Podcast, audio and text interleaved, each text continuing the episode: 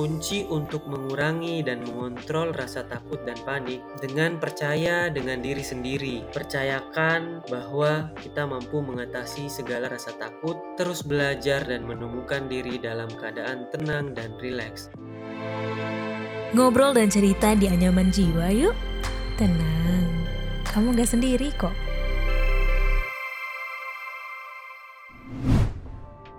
Halo, saya Azmul dari Halo Jiwa Indonesia. Podcast Anyaman Jiwa episode kali ini berbeda dari sebelumnya. Saya akan kasih tahu ya cara mengontrol ketakutan dan kepanikan. Sebelum mendengarkan obrolan kali ini, jangan lupa follow dan beri rating terbaikmu untuk podcast Anyaman Jiwa di Spotify. Serta nyalakan notifikasinya ya, supaya kamu bisa terinfo setiap ada episode terbaru yang tayang di hari Rabu dan Jumat. Merasa takut hal yang wajar, mulai dari takut mengalami kehilangan seseorang yang dicintai atau sekedar menonton film horor. Ketakutan itu bagian dari naluri alami manusia buat bertahan hidup. Tapi kalau berlebihan bisa juga berdampak negatif. Bagaimana ya mengontrol ketakutan dan kepanikan? Apalagi yang mungkin kamu alami mungkin nggak bisa dibilang mudah karena saking takutnya dan panik menjadi sulit untuk berusaha tenang.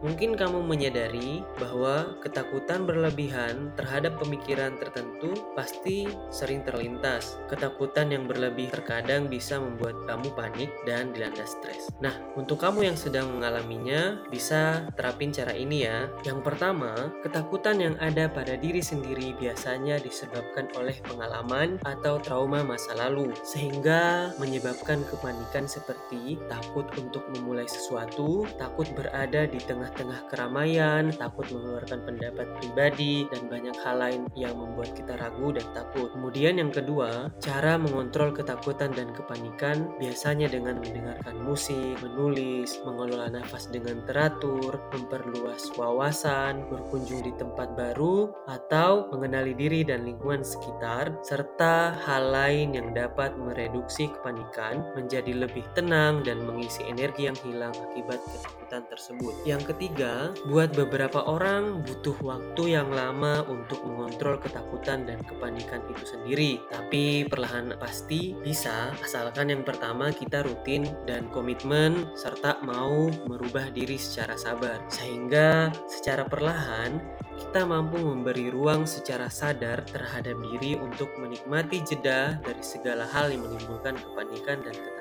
Kemudian yang terakhir adalah kunci untuk mengurangi dan mengontrol rasa takut dan panik dengan percaya dengan diri sendiri. Percayakan bahwa kita mampu mengatasi segala rasa takut, terus belajar dan menemukan diri dalam keadaan tenang dan rileks. Kemudian berceritalah dengan orang yang kamu percaya, bertukar pikiran dan ber berdiskusi. Terus belajar dan bertumbuh ya, kenali dirimu dan kenali rasa takut yang ada dalam dirimu. Yakinlah bahwa saat ini ada banyak hal yang bisa kamu lakukan untuk mengenali dan percaya akan dirimu sendiri. Terus berjuang dan kalahkan rasa takut itu dengan prestasi, berkreasi tanpa batas, memberi manfaat bagi dunia walau hanya dengan senyum. Tujuan saya cerita karena kamu tidak sendirian. Ada saya dan teman lainnya yang sedang berjuang untuk kesehatan mentalnya. Terima kasih buat kamu yang sudah mendengar episode Anyaman Jiwa kali ini dan terima kasih juga mau mendengarkan saya. Kalau kamu ingin curhat, jangan jangan sungkan kirim aja ke podcast at kgmedia.id dan DM di sosial media at medio by kgmedia dan follow akun Instagram at halojiwa Indonesia sebagai sarana penyedia informasi kesehatan mental dan follow at halojiwa shop untuk merchandise terbaik lainnya. Nah, Halo Jiwa Indonesia juga menyediakan layanan konseling dan profesional lainnya bersama bully.id dan layanan konseling sebaya dalam program program Ruang Refleksi Online, serta dukung kami dalam promosi Torang dari Timur, Torang Bisa Sadar Sehat Jiwa bersama Halo Jiwa Indonesia. Saya Azmul dari Halo Jiwa Indonesia, ditunggu episode yang lainnya. Terima kasih. Ya, udah selesai episode kali ini.